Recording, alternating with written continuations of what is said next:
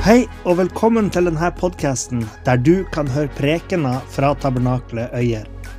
Vi håper det du hører her, vil være til oppbyggelse for det, og at det kan være til hjelp med å lede det til sannheten om Jesus. Hvis du ønsker å finne ut mer om oss, kan du gå inn på hjemmesida vår på tabernakletoyer.no.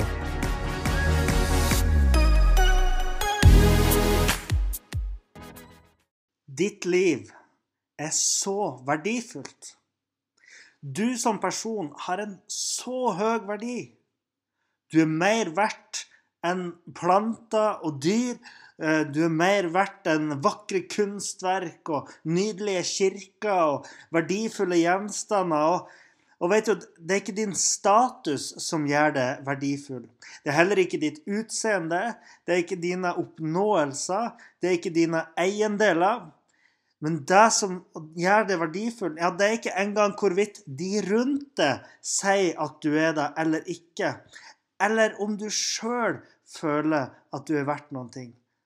Det er ikke du eller naboen din eller samfunnet eller menneskerettighetserklæringa som avgjør din verdi. Om du så skulle ha vært det eneste mennesket på jorda, som om du har vært ei øy alene ute i havet, og om du så hater deg sjøl, så ville sannheten ha vært at du likevel er verdifull, og at du likevel er elska. Dette kommer av at vi mennesker er skapt i Guds bilde. Hvert menneske har et pust av det guddommelige i oss. Det ligger en eh, hellig sanksjon over vårt liv. Det, det er en erklæring fra Gud over vårt liv som sier at vi er verdifulle. Og Derfor så bekjenner vi i denne menigheten med frimodighet det som står i vårt trosgrunnlag. Vi tror at alle mennesker er skapt i Guds bilde, og at alle mennesker derfor har samme iboende og ukrenkelige verdi fra unnfangelse til død. Din verdifullhet er noe som Gud har bakt inn i skapelsen. Og derfor har ingen mennesker rett til å krenke ditt liv på en ulovlig måte. Og Det bringer oss til det sjette bud, som vi kan lese i 2. Mosebok kapittel 20, vers 13. Du skal ikke drepe. Med andre ord så skal vi fortsette prekenserien om de ti bud i dag. Og nå er jo vi kommet halvveis i denne serien, litt over halvveis i dag, da. Eh, og jeg tenker at det er viktig å påpeke det som jeg har sagt før, at budene er ikke til for at vi skal leve etter de for at vi skal bli frelst. Det er ikke sånn at vi kan leve etter de her budene for å gjøre oss fortjent til evig liv. Men Gud, han vil først gi oss frihet. Han vil først eh, frelse oss. Og deretter så vil han hjelpe oss til å leve gode liv. Til å leve i den friheten som han har kjøpt for oss med sitt blod. Og Derfor så vil jeg si deg i dag at det er så viktig at vi som kommer her og vi hører på det her, vi tar det til oss. Og måten vi gjør det på, er å invitere Den hellige ånd inn i vårt liv. Fordi at det, det, handler ikke bare om at vi skal forstå de her budene og, og forstå at de er gode, men at vi virkelig tar det til oss som sant. Og Derfor så er det så viktig at vi ber om at Den hellige ånd skal gi oss ei dyp og indre overbevisning om de her sannhetene, sånn at vi kan få hjelp fra Den hellige ånd til å leve liv som er i tråd med det gode livet som Gud ønsker for oss. Så jeg vil bare si deg i dag at du, at du har en sånn innstilling, en åpenhet, for at Ånden skal virke i ditt liv i dag.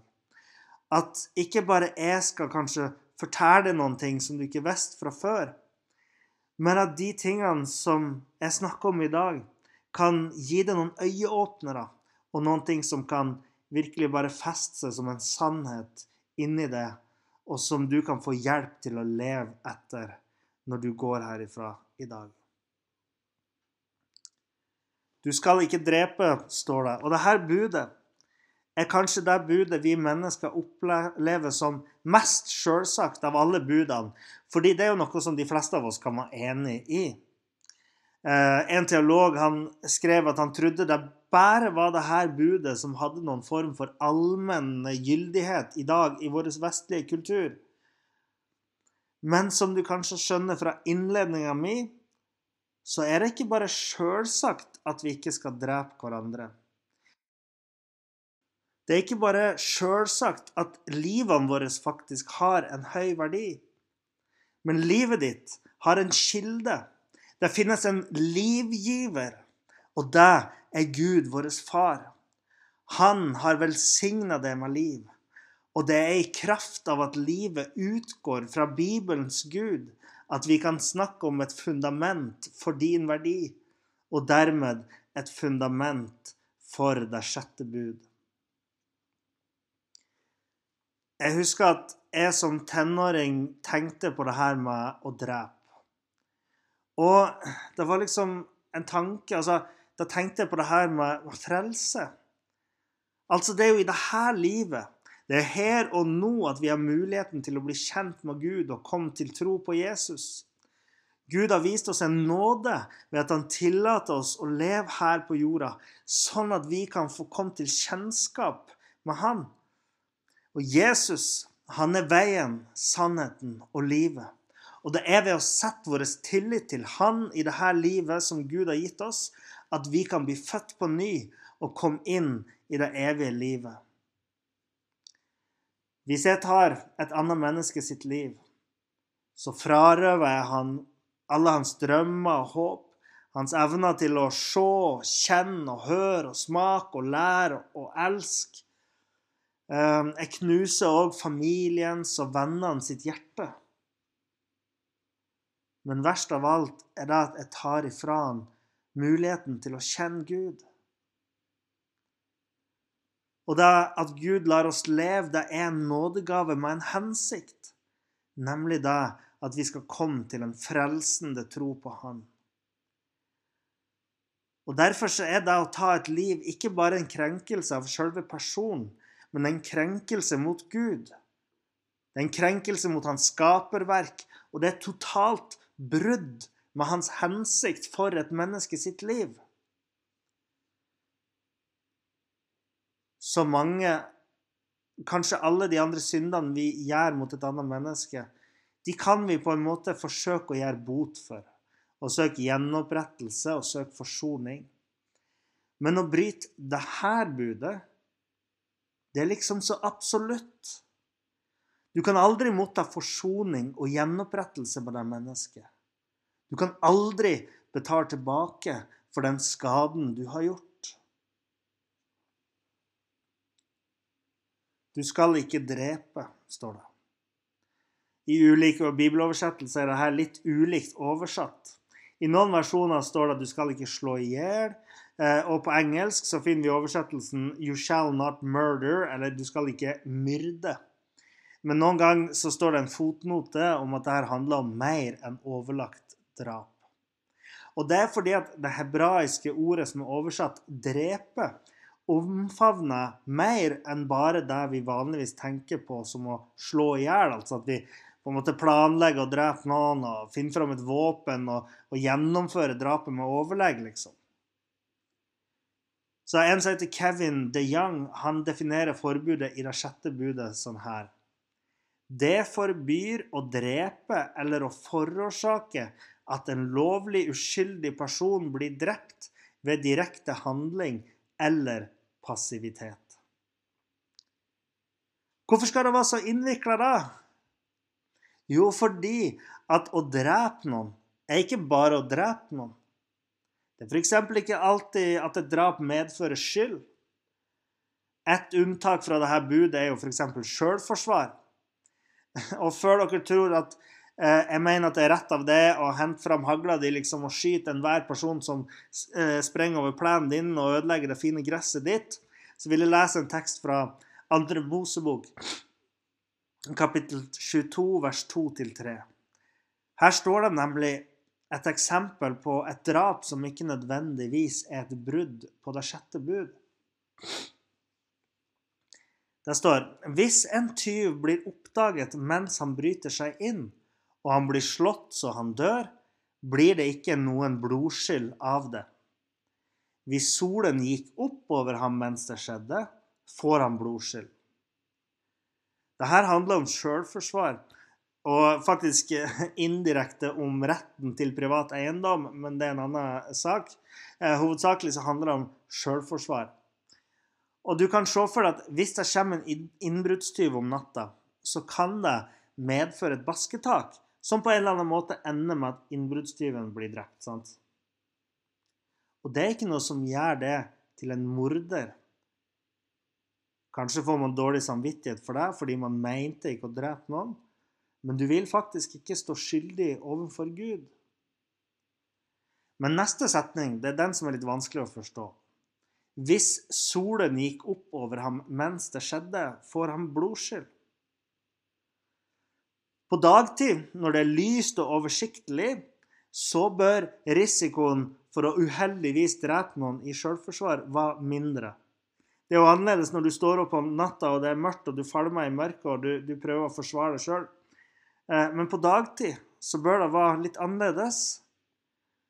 Og det betyr med andre ord at hvis man dreper noen i sjølforsvar når det kunne ha vært unngått, så er det galt.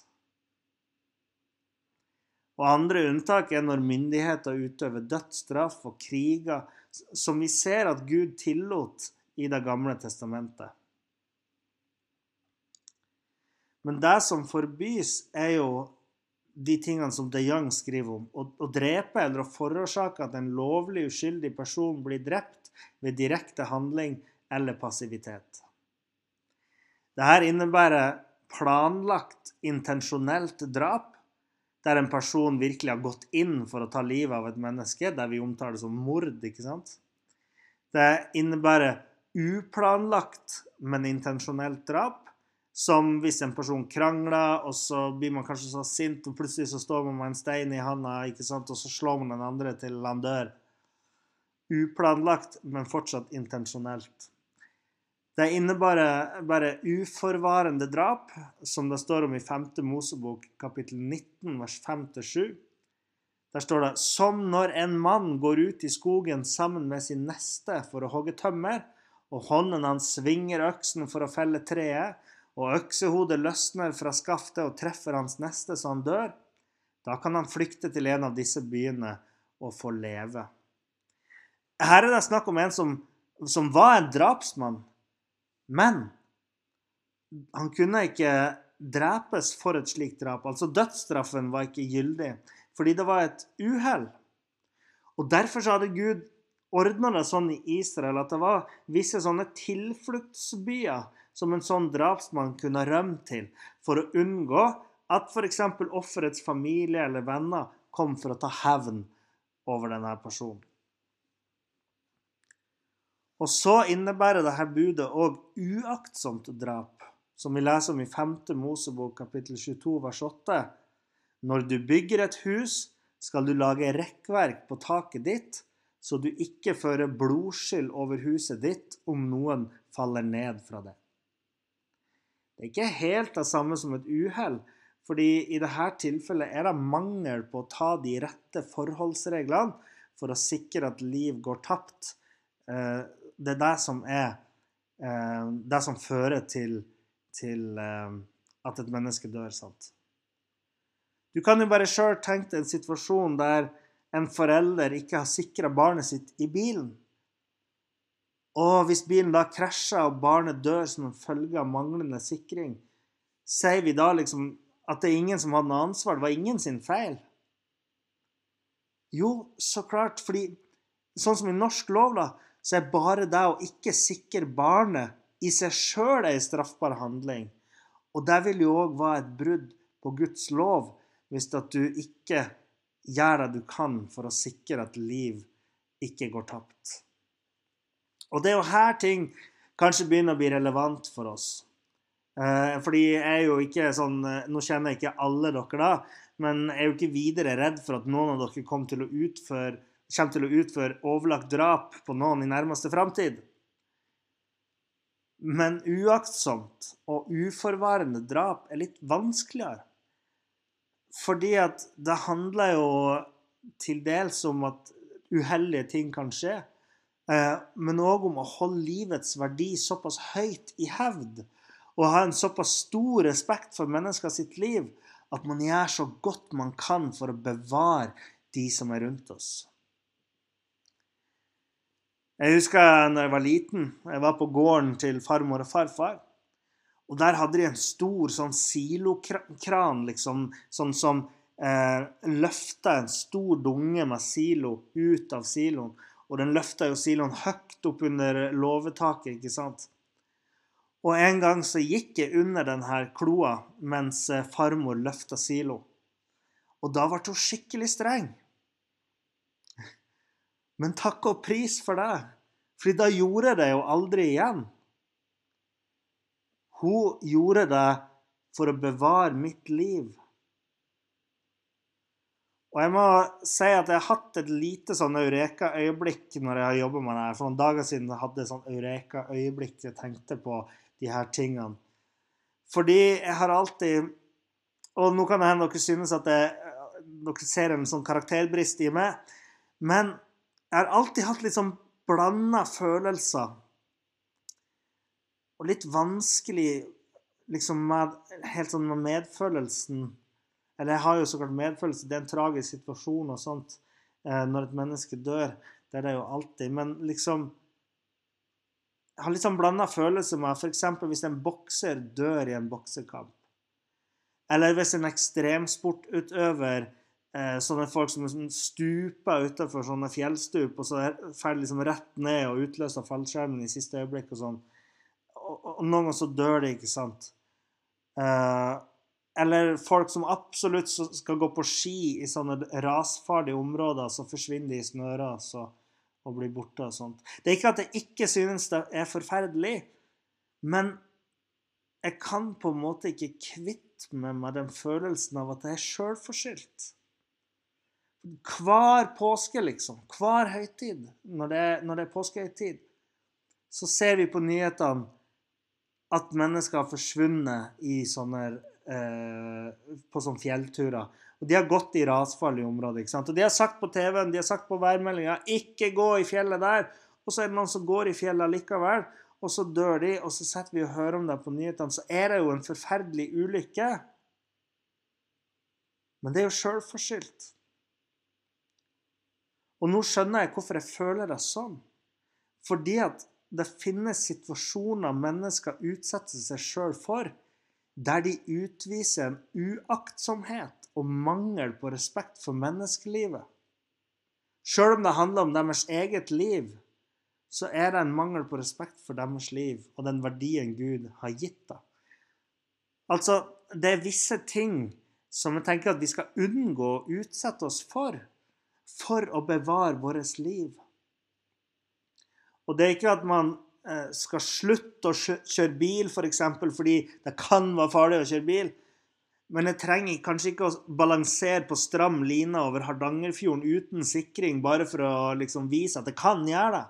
Eller å få et kick ut av det. Så lettvinte løsninger, eh, adrenalinkick og spenning osv. må ikke prioriteres foran en aktsom sikring av og respekt for verdifulle, verdifulle menneskeliv. Og det tar oss videre til et tema som er vanskeligere å snakke om, men som likevel har sammenheng med dette budet. Og det er sjølmord. Og vi skal erkjenne at det er få som tar lett på avgjørelsen om å ta sitt eget liv. Og at det ofte er like mye en bakenforliggende sykdom eller psykisk lidelse som bidrar til å drive en person til å ta et sånt valg. Jeg hadde sjøl et søskenbarn som tok sjølmord, som fikk meg til å tenke en del på det her på den tida.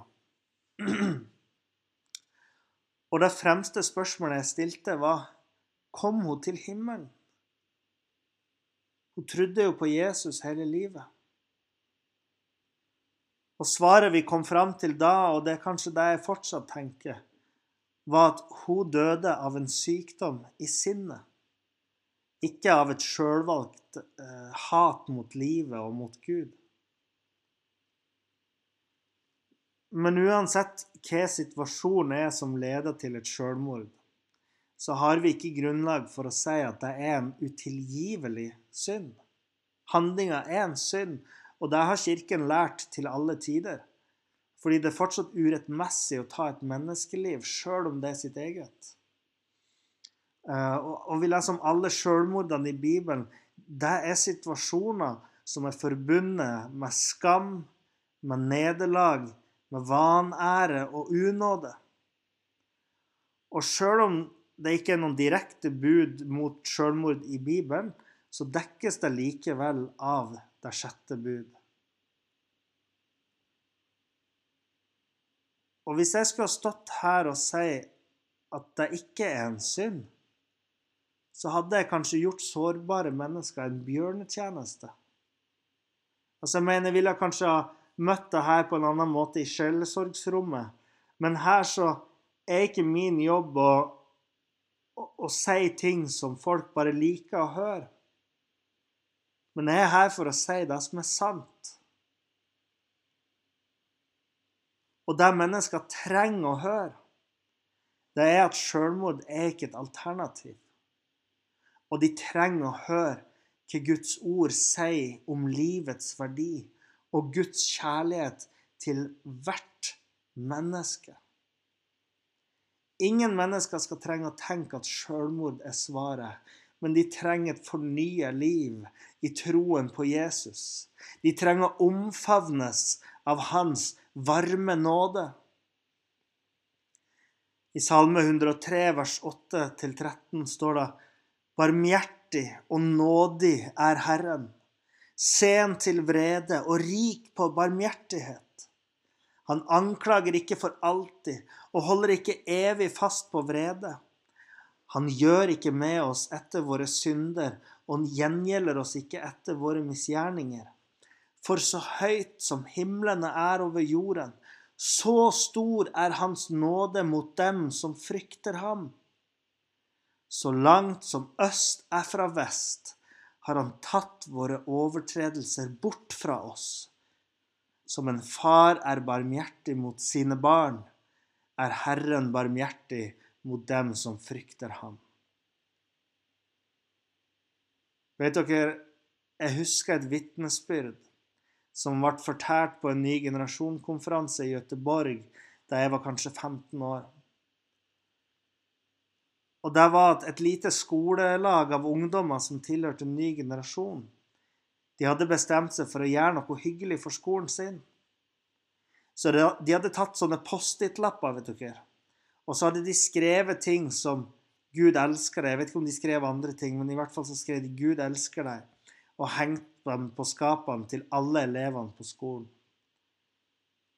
Og det de ikke visste, det var at på skolen deres så var det ei jente som lenge hadde slitt med depresjon og vanskelige ting og hun hadde bestemt seg for å ta sitt eget liv. Jeg husker ikke om det her skjedde, om hun hadde bestemt seg for det samme dagen, eh, eller om det var den dagen hun tenkte hun skulle gjennomføre det, eller hvordan det var. Men hun hadde i hvert fall bestemt seg for at selvmord var løsninga for, for henne. Men så kom hun over denne lappen på skapet sitt. Gud elsker deg. Det var tre ord som redda hennes liv ifra døden, og som endte med at hun ble frelst. Sjølmord er en synd, men vi har ikke grunnlag for å si at den er utilgivelig. Og vi kan ikke sette oss inn som dommere over hvert enkelt menneske i hver enkelt sånn her type situasjon. Men jeg tror at det vi kan gjøre, det er at vi heller håper på Guds nåde når alt annet håp er ute.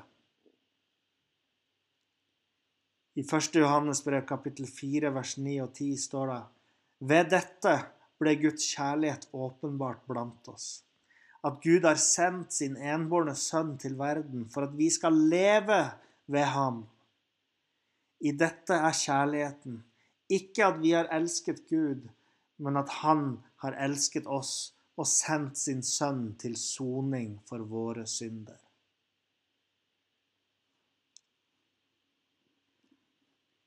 I forlengelsen av denne tematikken så har vi jo aktiv dødshjelp og assistert selvmord, som har blitt et tema for diskusjon i mange land i, i vår tid. Eutanasi, ikke sant. Og vi lever i ei tid og i en kultur der vi teknologisk sett har evnen til å avslutte liv på en smertefri måte. Og vi lever i en tid og en kultur der lidelse blir sett på som et onde som skal overvinnes, koste hva det koste vil.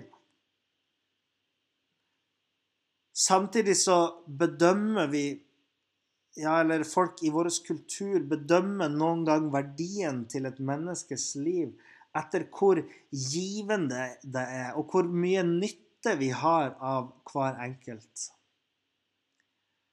Og I tillegg så skal den personlige friheten være så stor at den til og med eh, omfatter friheten til å velge når vi skal dø.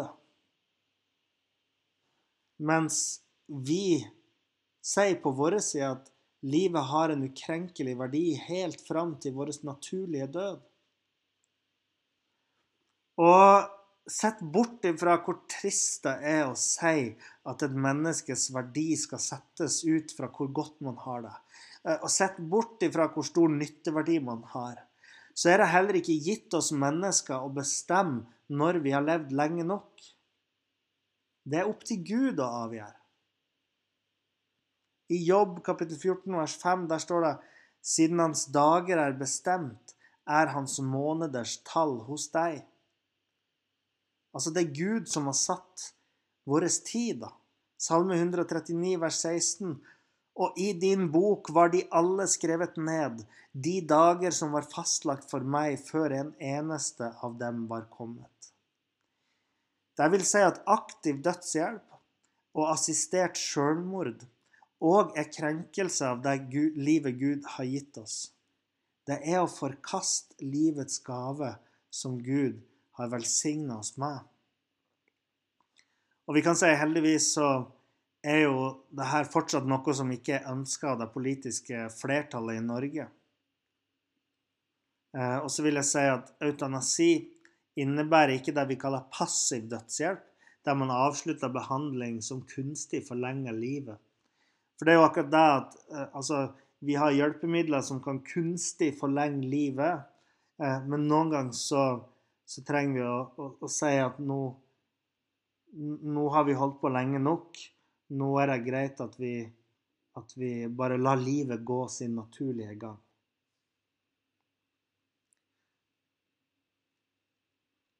En siste ting jeg vil nevne, det er den mest vanlige dødsårsaken i landet vårt.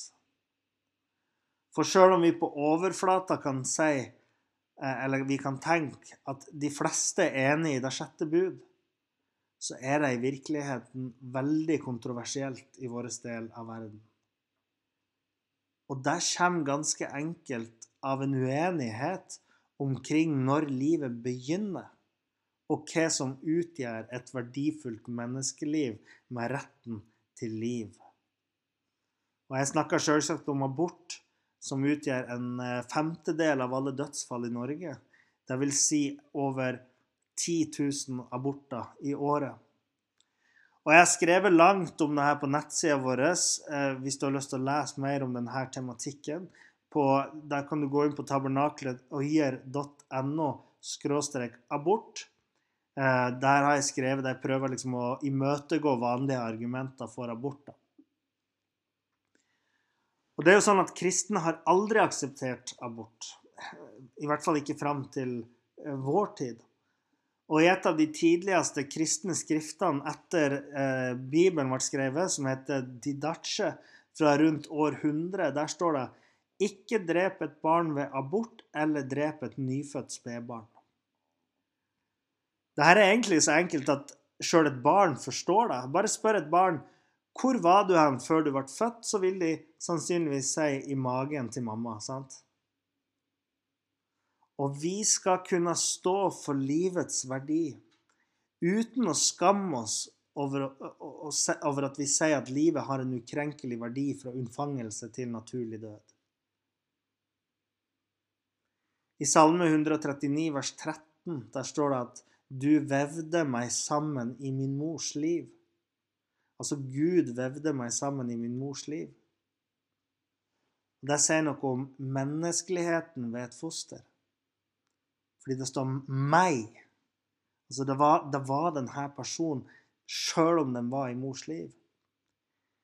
Men et av de tydeligste versene om livets verdi før fødselen kommer faktisk fra Moseloven. I et avsnitt som handler om skade på ei gravid kvinne og hennes barn, i 2. Mosebok kapittel 21 vers 22-24. Hvis noen menn er i slagsmål slagsmål og skader en kvinne som er med barn som hun føder for tidlig. Men uten at det skjer noen skade, skal han sannelig bøtelegges, og han skal betale det kvinnens mann pålegger ham ut fra en utregning. Men hvis det skjer noen skade, da skal du gi liv for liv, øye for øye, tann for tann, hånd for hånd, fot for fot. Så hvis det enten skjedde en skade på kvinnen eller barnet, eller at en av de døde, så skulle det gjengjeldes på en rettferdig måte. Hvis barnet mister livet, så skulle òg den som forårsaka det, miste livet. Men om det skulle være sånn at du ikke er overbevist av bibelske argumenter for det ufødte barnet sin verdi og status, så har jo moderne vitenskap bekrefta at livet begynner ved unnfangelsen. Det finnes ingen andre, eh, noen andre tidspunkt man kan peke på der man sier at et nytt individ har begynt, enn ved unnfangelsen. Og det her gjør at foreldre som mister et barn under svangerskapet, de er rett i å kjenne på sorg. Ikke bare pga. tapet av liksom, de potensielle gledene de ville hatt sammen med barna, og, og at de tenker å, vi skulle fått så mange minner sammen fordi det var et potensielt menneskeliv der. Eh, og at man bare tenker ut ifra en sånn sekulær type holdning til det. Men de skal få lov til å sørge, sørge fordi barnet deres er dødt. Det var et barn som de mista. Og vi skal ikke ta fra foreldre retten til å sørge over sitt barn. Om jeg hadde dødd her og nå, eller under svangerskapet, så hadde det uansett vært jeg som hadde dødd. Og derfor så blir det sjette budet gjeldende fra unnfangelsen av. Nå er det jo sånn at vi har fått de ti bud ikke bare for at vi skal vite hvordan vi lever gode liv, men loven fungerer òg som en veileder. Den skal vise oss vårt behov for en frelser. Og hvordan gjør den det? Jo, den gjør det ved at den avslører at ingen av oss har levd fullt og helt etter Guds standard. Og til nå så har jeg hovedsakelig peka på de åpenbare og liksom de ytre måtene vi kan bryte det sjette bud på. Men Jesus han tar oss til kjernen av budet. Han ville vise oss den egentlige betydninga. Og det gjør han i en tale til folket i Matteus kapittel 5. Der starta han i vers 21 med å peke tilbake til det som er skrevet. Dere har hørt at det er sagt til fedrene, du skal ikke slå i hjel og den som slår i hjel, blir skyldig for dommen. Det har vi jo ikke snakka om i dag. Men så fortsetter han i neste vers. Men jeg sier dere at den som blir sint på sin bror uten grunn, blir skyldig for dommen. Og den som sier til sin bror 'tomskalle', skal bli skyldig for rådet. Den som sier 'din tufs', skal bli skyldig til helvetes ild. Jesus introduserer egentlig ikke noe nytt her, men han åpenbarer fordi at bak forbudet mot å drepe ligger det òg et krav om å holde hjertet rent fra ønsket om at et annet menneske skal bli skada eller drept. Dere skjønner at drap starter i våre holdninger til hverandre. Urettmessig sinne det skaper grobunn for det som senere manifesterer seg i onde handlinger. Hat er liksom begynnelsen. da. Og Johannes skrev i 1. Johannesbrev kapittel 3 vers 15 sånn at Johannes han hadde jo med seg denne tradisjonen, han hadde hørt Jesu undervisning, og han sa den som hater sin bror, er en morder. Og dere vet at ingen morder har evig liv i seg. Så når Jesus sier det her, så avslører han våre hjertes ondskap og vår moralske utilstrekkelighet. Han avslører at vi er skyldige. Sjøl når vi har lurt oss sjøl til å tro at vi har levd gode liv i våre ytre handlinger. Alle har syndet og mangler Guds ære, står det både i salmene og Paulus gjentar det. Alle har synda. Vi trenger alle en frelser for å helbrede våre hjerter. Jesus er denne frelseren. Han er veien. Og når vi vender om og inviterer Jesus inn i vårt liv, så vil han slippe Den hellige ånd inn i våre hjerter for å helbrede oss og snu vårt hat til våre fiender, til kjærlighet for våre fiender.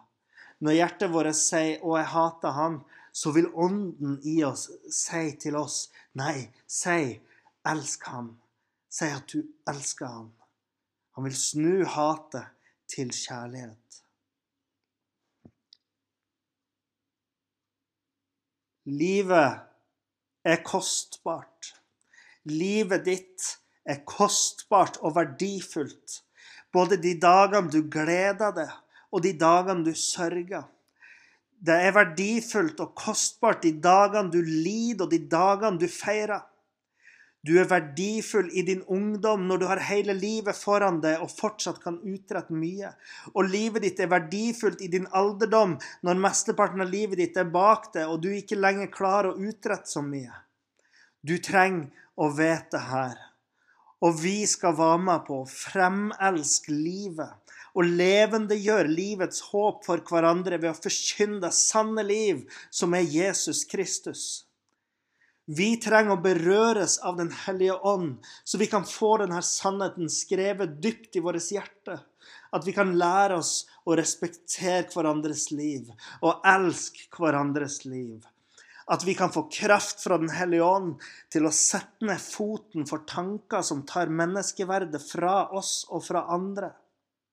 At vi kan få en så høy respekt for livet at vi tar alle forholdsregler for å bevare det. Fordi Gud han ønsker å berøre oss med sin sannhet. Og i hans sannhet er det en kjærlighet som kan redde liv. Og Den hellige ånd kan føde det på nytt. Ta ut ditt steinhjerte og gi deg et hjerte av kjøtt og blod. Vi har alle livet, men Gud tilgir oss et nytt liv. Et sant liv når vi kommer til Jesus. For han er livet med stor forbokstav. Takk for at du hørte på. Hvis du tok et steg i tro i dag, eller du har noe du ønsker forbønn for, så vil vi gjerne høre ifra det via e-postadressen kontakt alfakrølltabernakletoier.no. Du er òg velkommen til våre ukentlige gudstjenester i menighetslokalet i Haugskutua 5 26 36 Øyer.